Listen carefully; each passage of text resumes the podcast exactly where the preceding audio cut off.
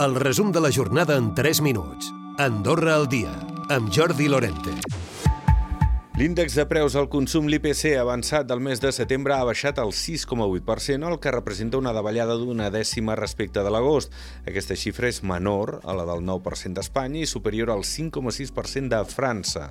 És el tercer mes seguit que baixa l'índex de preus al consum a Andorra. I mentre el govern ha presentat el pressupost de l'Estat per a l'any vinent. Ja avançaven la setmana passada algunes dades, s'han confirmat en la presentació d'Eric Jové. Són 31 milions d'euros de pèrdues, uns ingressos de 522 milions i unes despeses de 557.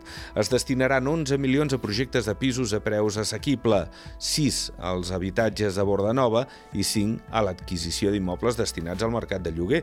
També a la desviació de la Massana aniran 2,7 milions d'euros. Jové, ministre de Finances. Són inversions que, a part de ser quantioses, marquen molt miqueta els eixos estratègics del govern. És aquí veiem molt inversió en habitatge, veiem molt eh, continuar recolzant doncs, l'estat del benestar i també veiem molt una aposta doncs, per la mobilitat amb l'heliport nacional o la desviació de la Massana. L'estudi de capacitat de càrrega màxima dels comuns és necessari per als gestors i agents immobiliaris. Tot això vaticina en un empitjorament de la problemàtica de l'habitatge amb més restriccions derivades de la llei. Això diuen des de l'AGE, en parla en nom d'aquests gestors immobiliaris el seu president, és el Gerard Caselles. Limitarem una vegada més l'oferta, ficarem topalls al creixement i, per conseqüent, la vivenda cada vegada serà més escassa. I anem a Ordino, perquè el nou conseller comunal de Moem Ordino, Jean-Michel Armengol, ha apostat per decidir la ubicació del laboratori de Grífols mitjançant una consulta popular. El cònsul major, Josep Àngel Mortés, li ha dit que no, que les coses ja estan en marxa. Tot seria saber si cal o és necessari tenir aquesta instal·lació aquí a Ordino i el perquè d'aquest lloc. I aquí vindria la possibilitat de fer una consulta popular i veure si realment la gent del poble d'Ordino està a favor d'aquesta instal·lació aquí mateix. Hi ha res més a dir, tot el contrari, s'han començat ja les obres i per tant el tema avança i, i esperem que, que avancin els terminis previstos. I el sector del turisme esportiu deixa més de 15 milions l'any. Això és el que ens han dit aquest dilluns.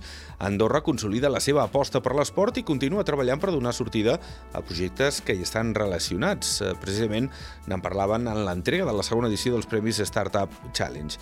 Per cert, el major repte ara passaria per posar en funcionament el CRAMEA, el centre del rendiment, així s'expressava el ministre d'Economia, Jordi Gallardo. Pot ser una infraestructura que complementa molt bé la necessitat que hi havia per esportistes del, del rendiment i continuar millorant en el que són la celebració de competicions internacionals. Joan Manuel Serrat ha esgotat en només 4 dies les entrades disponibles per al seu concert del pròxim 10 de desembre, mentre l'altre gran cap de cartell, el xinès Lang Lang, que té concert el 16 d'octubre, la venda d'entrades va també a bon ritme. Recupera el resum de la jornada cada dia a Andorra Difusió.